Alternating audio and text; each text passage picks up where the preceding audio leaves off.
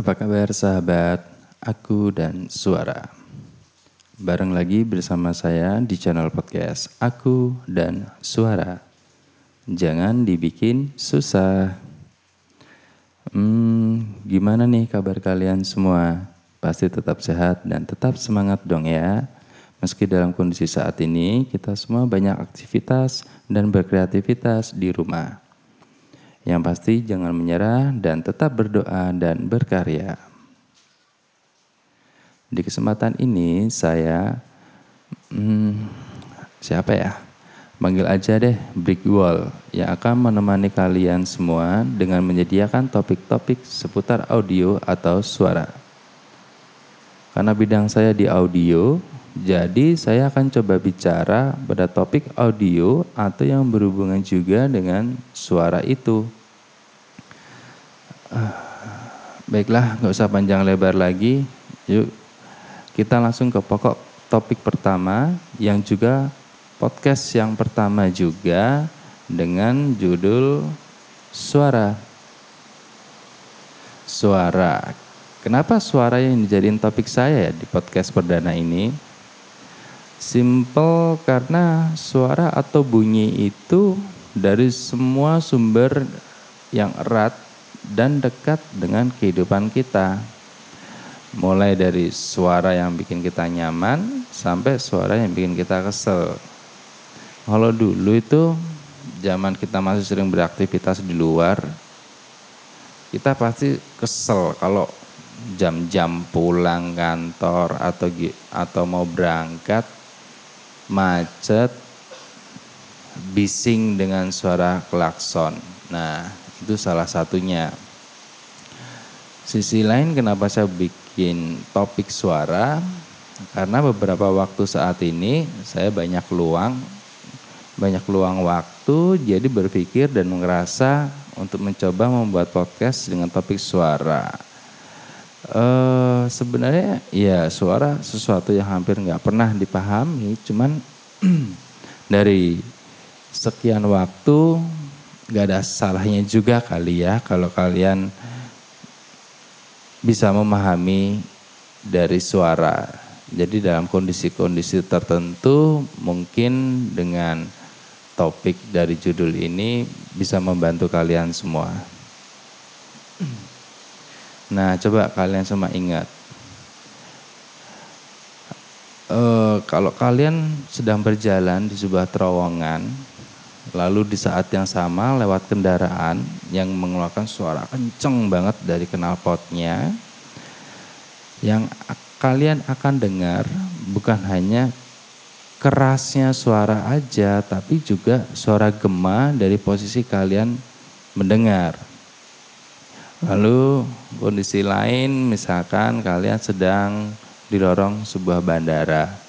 Saat mendengar suara, ada gema atau pantulan suara-suara dari lingkungan sekitar kalian. Mungkin juga dalam sebuah restoran atau kafe saat kalian sedang duduk dengan teman atau kalian merasa mendengar suara background musik terlalu kencang banget sampai akhirnya merasa di kuping kita tuh kayak suara nusuk gitu.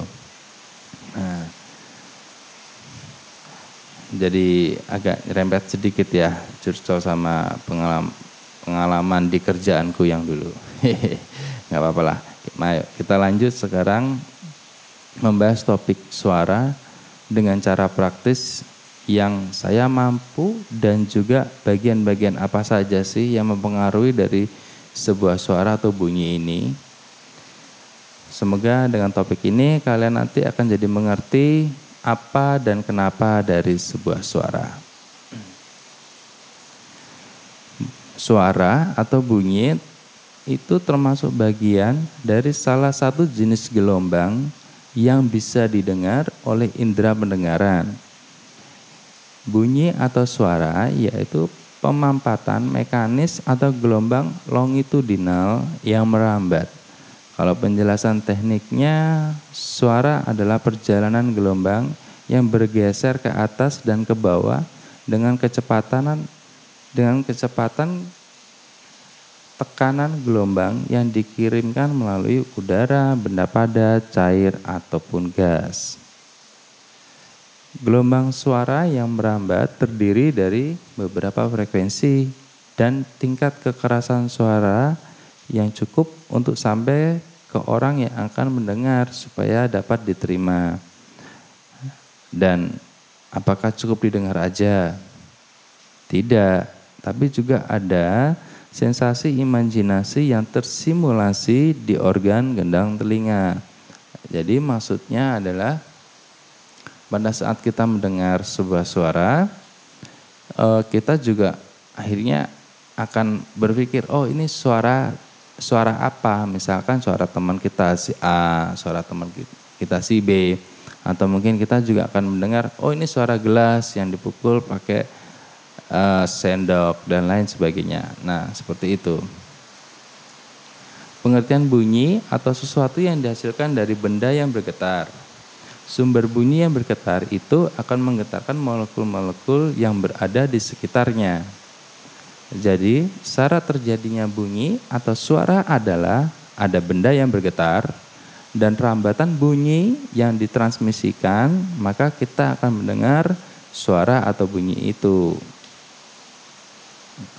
Nah, kalau persepsi suara pada manusia, Kemampuan mendengar biasanya terbatas pada frekuensi sekitar 20 Hz sampai 20.000 Hz atau 20 kHz yang kita dapat informasinya dulu waktu zaman sekolah. Tapi meski batas kemampuan ini tidak pasti dan berbeda-beda, karena batas kemampuan mendengar suara frekuensi atas atau kalau bahasa teknisnya itu high pitch hearing loss yang umumnya berkurang disebabkan oleh bertambahnya usia pada seseorang akan mengurangi kemampuan mendengar pada frekuensi sekitar 2000 Hz sampai 8000 Hz bisa berbeda sesuai dengan kondisi fisik orang itu. Di spesies lain memiliki rentang pendengaran yang berbeda lagi. Contoh misalkan kucing bisa merasakan getaran lebih tinggi dari 20 kHz. Getaran gelombang tinggi ini digunakan sebagai sinyal untuk mendeteksi bahaya, navigasi pada saat mereka sedang berjalan mau ke suatu tempat, dan juga untuk komunikasi. Banyak lagi spesies lain seperti katak, burung, mamalia laut, mamalia darat, juga telah mengembangkan organ khusus mereka untuk dapat memproduksi sebuah suara. Di atmosfer bumi, air dan yang secara virtual setiap fenomena fisik seperti kebakaran, hujan, angin, berselancar di laut atau gempa bumi juga menghasilkan suara yang unik. Lalu lebih jauh dari itu dan kembali kepada manusia yang sudah mengembangkan budaya dan teknologi dari sebuah suara menjadi musik, telepon, dan radio yang bisa digunakan untuk merekam suara, mengirim, dan juga menyiarkan suara. Lalu dari ini semua, ada nggak ya hubungannya dengan psikoakustik? Hmm, ya ada pasti tentunya. Lalu aku coba jelasin sedikit di kesempatan ini tentang psikoakustik itu apa.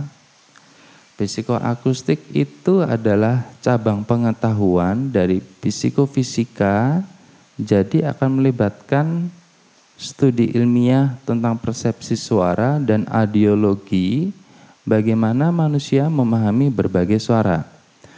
Lebih khusus lagi, ini adalah cabang ilmu yang mempelajari respon psikologi yang kaitannya dengan suara, termasuk suara bising, noise, orang bicara, speech, dan juga musik. Psikoakustik uh, bisa, dibi bisa dibilang bidang interdisipliner dari banyak bidang termasuk psikologi, seperti yang tadi sudah aku sebutin, lalu akustik, teknik elektronik, fisika, biologi, fisiologi, dan ilmu komputer.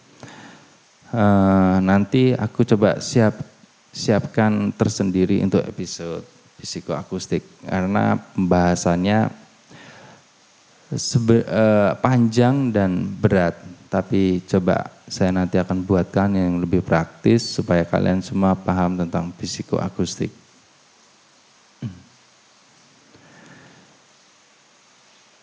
Suara dari sisi fisika. Getaran mekanis yang dapat diartikan sebagai suara dapat ditransmisikan melalui ke semua bentuk materi seperti udara, gas, cairan, dan benda padat sebagai gelombang longitudinal dan juga sebagai gelombang transversal. Nah, materi yang mendukung suara atau mentransmisikan suara disebut medium. Jadi eh, benda cair, benda-benda yang menghantarkan suara itu disebut medium. Gelombang suara yang dihasilkan oleh sumber suara, sumber suara menciptakan getaran di media sekitarnya. Ketika sumber suara itu bergetar, getaran merambat menjauh dari sumber suara dengan kecepatan suara sehingga membentuk gelombang suara. Nah, itu adalah terjadinya sebuah suara dari sumbernya sampai akhirnya di, ditransmisikan melalui udara dan lain sebagainya sampai akhirnya kita semua bisa mendengar. Pada jarak yang tetap dari sumber suara dengan tekanan suara dan kecepatan suara, akan tetap sama kalau dihitung dalam perhitungan waktunya untuk kita dengar. Tapi kalau terjadi perubahan terhadap media, hasilnya akan beda-beda, akan bervariasi dalam penghitungan waktu untuk kita dengar. Maksudnya seperti ini, contoh dua orang sedang ngobrol di dalam sebuah ruangan dalam e, jarak sekitar anggaplah 3 meter gitu ya. Lalu dua orang ini di kondisi berbeda bicara di pinggir sebuah pantai dengan jarak yang sama, hampir tiga meteran. Nah, tanpa sadar itu mereka bicara lebih lebih lebih keras mengeluarkan suara selain karena di tempat yang terbuka dan mereka eh, kalau diperhatikan antara mengeluarkan mengeluarkan suara dari gerakan mulut dengan yang didengar itu pasti jaraknya akan lebih lama. Kenapa? Karena kalau di pantai itu akan banyak angin. Jadi angin inilah yang akan membawa suara. Kalau arah angin yang sama dengan arah kita bicara, artinya arah angin dengan suara searah itu bisa membuat semakin cepat secara waktu. Tapi kalau yang terjadi arah angin dengan suara berlawanan, akhirnya itu akan memperlambat suara untuk kita dengar.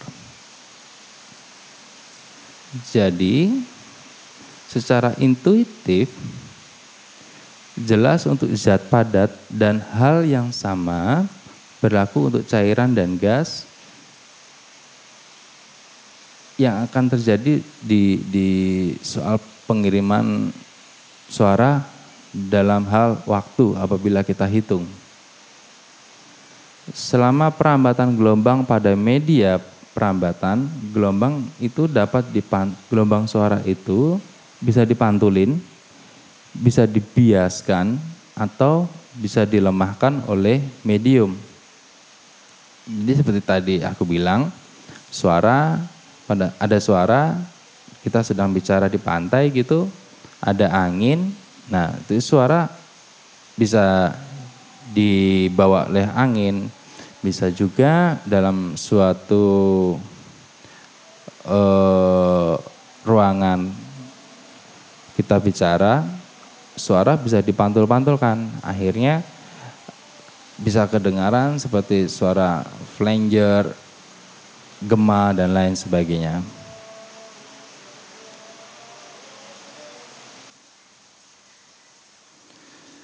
Lalu dipengaruhinya rambatan gelombang pada media itu ada tiga hal. Ada, jadi ada ada tiga hal bagian yang mempengaruhi rambatan rambatan gelombang suara. Pertama, hubungan yang kompleks antara kepadatan suhu dan tekanan media. Hubungan ini mempengaruhi dan menentukan kecepatan suara. Kedua, jika medium bergerak, gerak ini dapat menambah atau mengurangi kecepatan absolut gelombang suara tergantung pada arah gerakan dari medianya. Sebagai contoh, suara yang ditransmisikan melalui angin akan memiliki kecepatan rambat yang di, yang akan ditambah. Kalau kecepatan angin dan suara itu bergerak arah yang sama. Tapi sebaliknya, jika suara dan angin bergerak saling berlawanan arah, otomatis kecepatan gelombang suara akan berkurang dan kecepatan akan berkurang karena kecepatan anginnya. Jadi kayak ketahan gitu. Ketiga, ini jarang dialami kita di terutama di di uh, darat ya. Tetapi ini juga terjadi di alam yang lain artinya di laut. Viskositas. Jadi campuran campuran cairan dengan cairan yang kental. Contoh, tapi dalam takaran yang medium ya. E, kekentalan medium yang menentukan tingkat tingkatan suara dapat dilemahkan. Contoh seperti ikan yang berada di air e, dan airnya tercampur oleh cairan kental seperti e, apa ya minyak gitu ya. Nah dulu itu pernah ada kejadian di perairan perairan Karawang kalau nggak salah sekitar bulan Juni tahun 2019. Jadi di perairan itu perairan Karawang itu uh, terkotor oleh minyak yang tumpah gitu ya. Nah, apa yang terjadi? Ikan-ikan yang ada di perairan itu ya selain menjauh dari minyak, sebagian dari ikan itu akhirnya juga terpisah menjadi beberapa kelompok dari spesies ikan ikan-ikan itu dari teman-temannya. Nah, beberapa ikan lagi yang masih terjebak di dekat minyak selain mereka susah bergerak, mereka juga susah komunikasi dengan dengan eh, gelombang suara yang dihasilkan dari organ tubuh mereka karena tingkat kekentalan minyak yang sudah di dalam air itu sangat mengganggu e, transmisi suara untuk bisa sampai kepada yang akan didengar. Tapi sebaliknya untuk ikan-ikan yang sudah keluar dari e, kubangan minyak di dalam air, mereka uh, mereka bisa bisa bebas bergerak, menyelamatkan diri, sedangkan ikan yang masih di dalam jebakan terjebak ya, terjebak oleh minyak itu nggak bisa apa-apa. Mereka komunikasi dengan dengan cara mereka pun juga udah susah. Nah, jadi pelemahan suara karena viskositas atau kekentalan dapat mempengaruhi tingkat kekerasan suara dan kecepatan suara. Ketika suara bergerak melalui media yang tidak memiliki sifat fisik yang konstan, gelombang suara akan dapat dibiaskan, baik tersebar atau fokus. Jadi bisa dibiaskan secara menyebar abstrak atau fokus. Getaran mekanis yang dapat diartikan sebagai suara dapat ditransmisikan melalui semua bentuk materi. Gas, cairan, padat, benda padat. Lalu materi yang mendukung suara disebut medium. Suara tidak dapat berjalan atau tidak dapat ditransmisikan melalui atau pada ruangan yang hampa udara. Nah, jadi ini ini tadi semua adalah sedikit pengenalan tentang dasar suara. Lalu lebih dalam lagi kita akan uh, coba bahas mengenai sifat dan karakteristik gelombang bunyi. Seperti tadi di awal sudah saya jelaskan bahwa gelombang suara yang ditransmisikan melalui media entah itu uh, udara ataupun benda padat atau cairan di setiap gelombang itu di dalamnya ada beberapa frekuensi. Ada frekuensi kalau lebih spesifik ya itu ada frekuensi low, low mid, mid, high mid dan high. Jadi itu itu itu frekuensi-frekuensi apa saja gitu. Low itu frekuensi rendahnya, mid frekuensi medium atau tengah, lalu ada frekuensi high itu ada frekuensi yang atas. Nah, setiap frekuensi-frekuensi itu mempunyai bentuk gelombang yang berbeda-beda dan e, kecepatannya yang tidak sama. Contoh kalau misalkan frekuensi low namanya gelombang itu seperti yang tadi saya bilang uh, bawah dari uh, kalau kita digambar itu uh, dari bawah ke atas ke bawah lagi ke atas dan seterusnya. Nah, jarak dari lengkungan bawah ke atas di setiap frekuensi itu berbeda-beda. Semakin tinggi frekuensinya atau semakin ke high itu jarak lengkungnya antara dari bawah ke atas, atas ke bawah itu semakin rapat. Otomatis frekuensi yang semakin ke atas, bentuk lengkung di atasnya itu semakin meruncing. Kalau di low atau semakin ke bawah dari high itu masih agak masih agak melengkung, nggak terlalu runcing. Nah, artinya apa?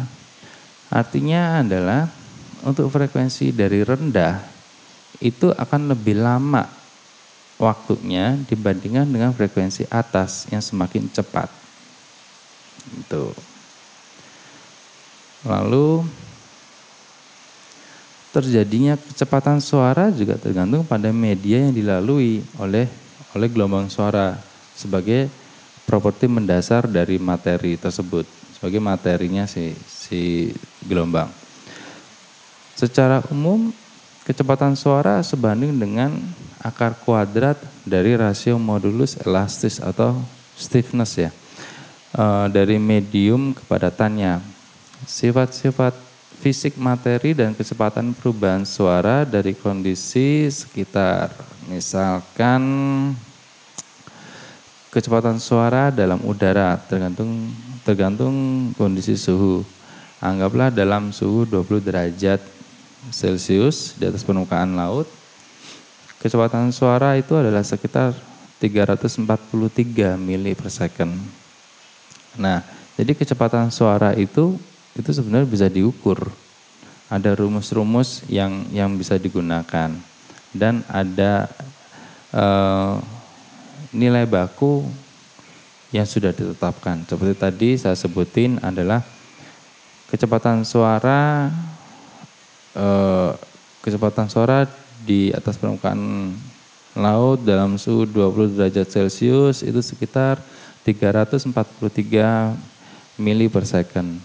Lalu pada di dalam air tawar yang juga suhu 20 derajat Celcius, kecepatan suaranya beda, tidak 343 lagi, tetapi sudah 1482 mili per second dan beda lagi pada media yang lain. Contoh uh, di sebuah baja kecepatan suara sekitar 596 5960 meter per, per second.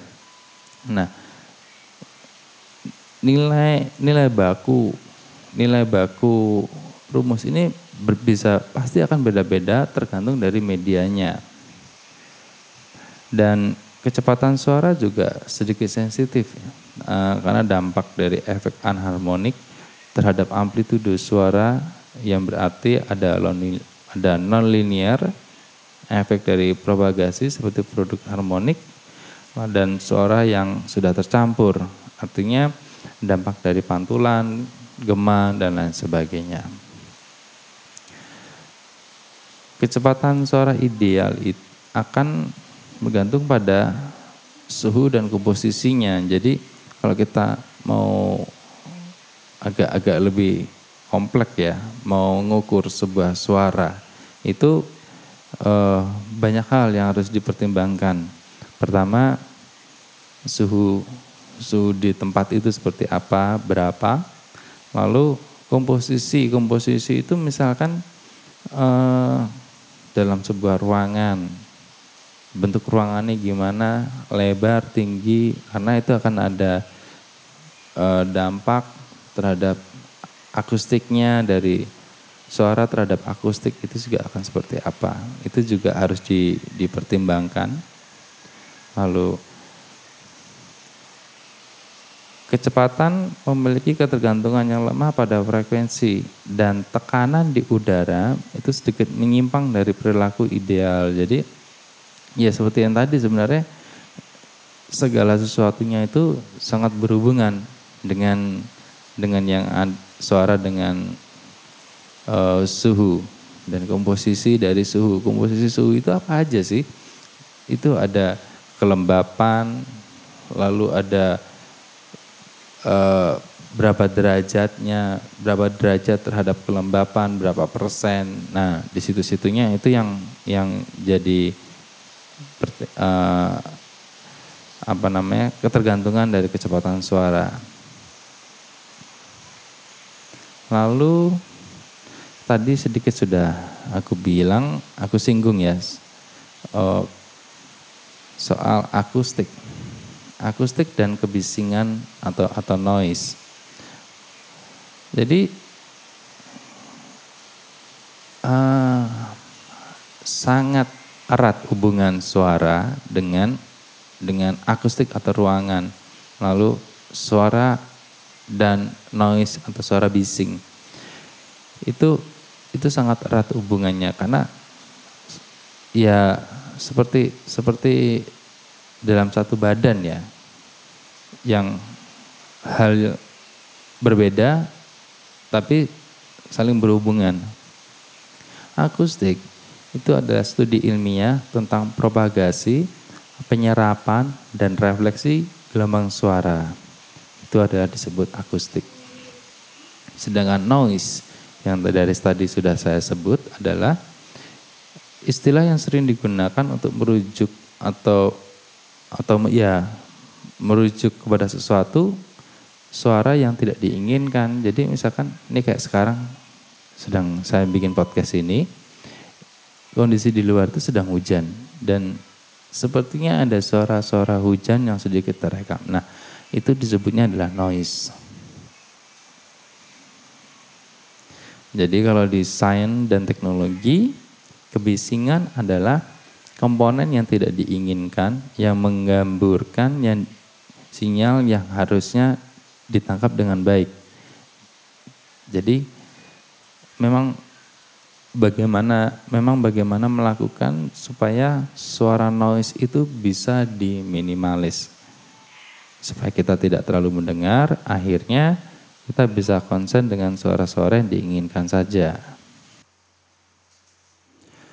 Lalu berikutnya adalah kalau tadi kan kita sudah ngomong soal uh, akustik, lalu kita sudah ngomongin dengan kecepatan, lalu sifat dan karakteristik gelombang bunyi. Nah, di awal tadi saya tadi juga udah menyinggungkan soal kekerasan suara atau tingkat tekanan suara ya. Jadi pada saat gelombang suara ditransmisikan itu tidak hanya e, kecepatan saja, tetapi juga ada tingkat kekerasan suara yang yang yang dibawa. Lalu kenapa dengan tingkat kekerasan suara itu juga menjadi satu bagian uh, terpenting dalam terpenting dalam suara karena uh, telinga manusia itu dapat mendeteksi suara dengan kisaran amplitudo yang sangat luas. Meskipun ini sama seperti seperti batas kemampuan mendengar tingkat frekuensi suara atas ya atau uh, tadi kalau aku bilang itu adalah hearing uh, high pitch hearing loss. Jadi tingkat kekerasan suara pada manusia itu pun juga sama. Bisa didengar dari yang rendah bahkan sampai bahkan sampai yang sangat sangat tinggi.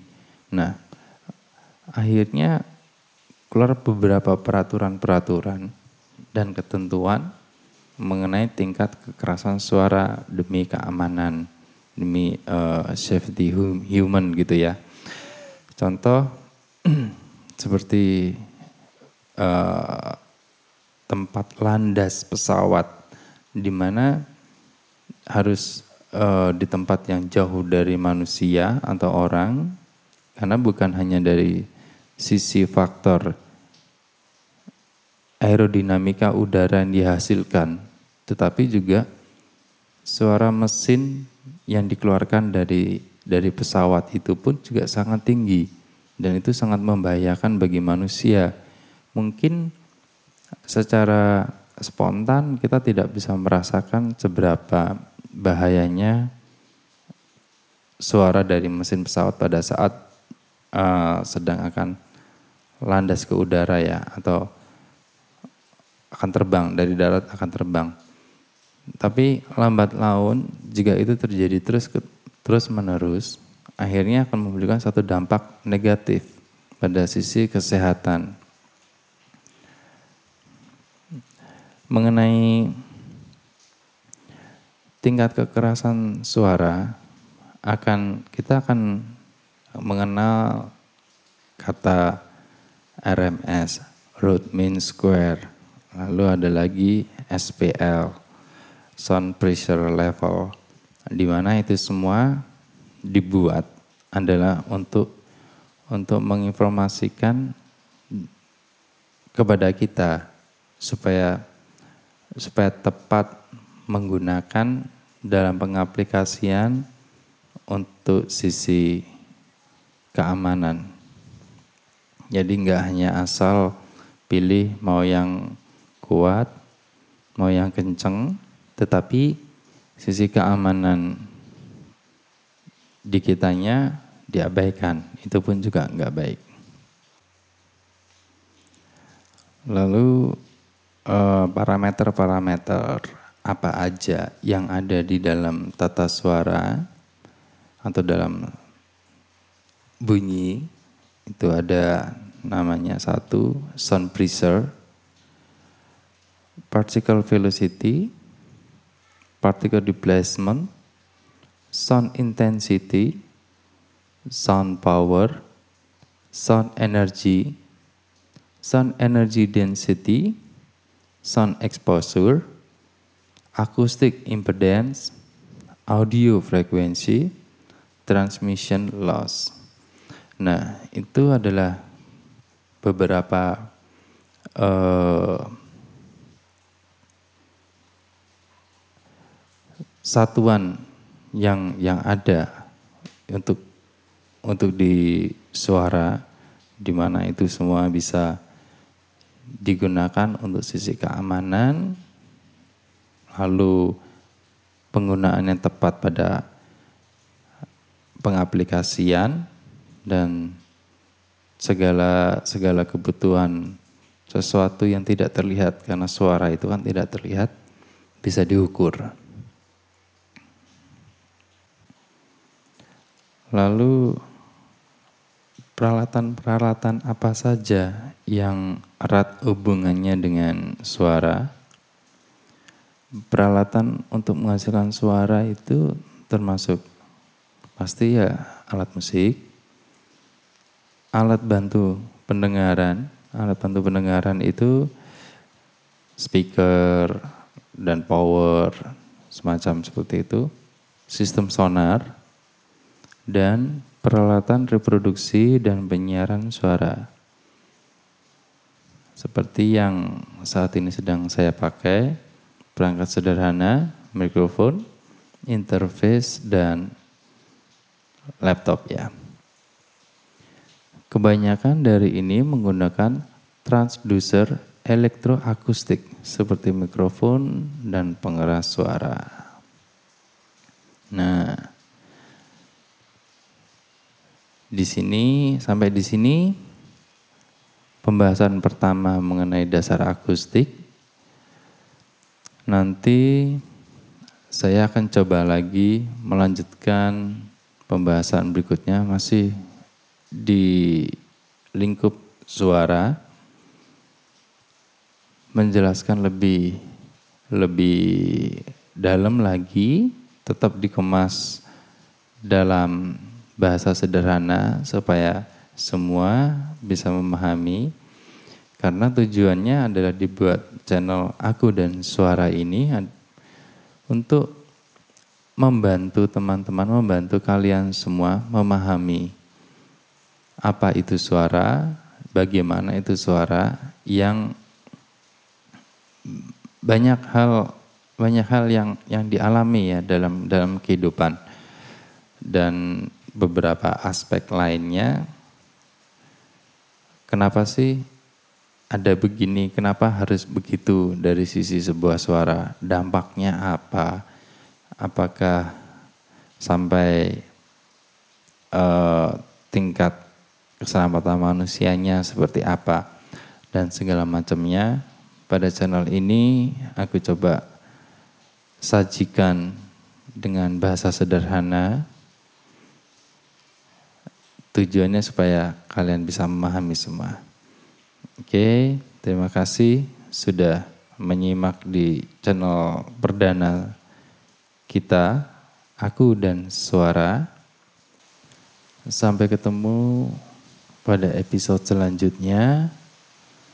Tetap semangat, stay home, tetap berdoa, tetap berkreativitas.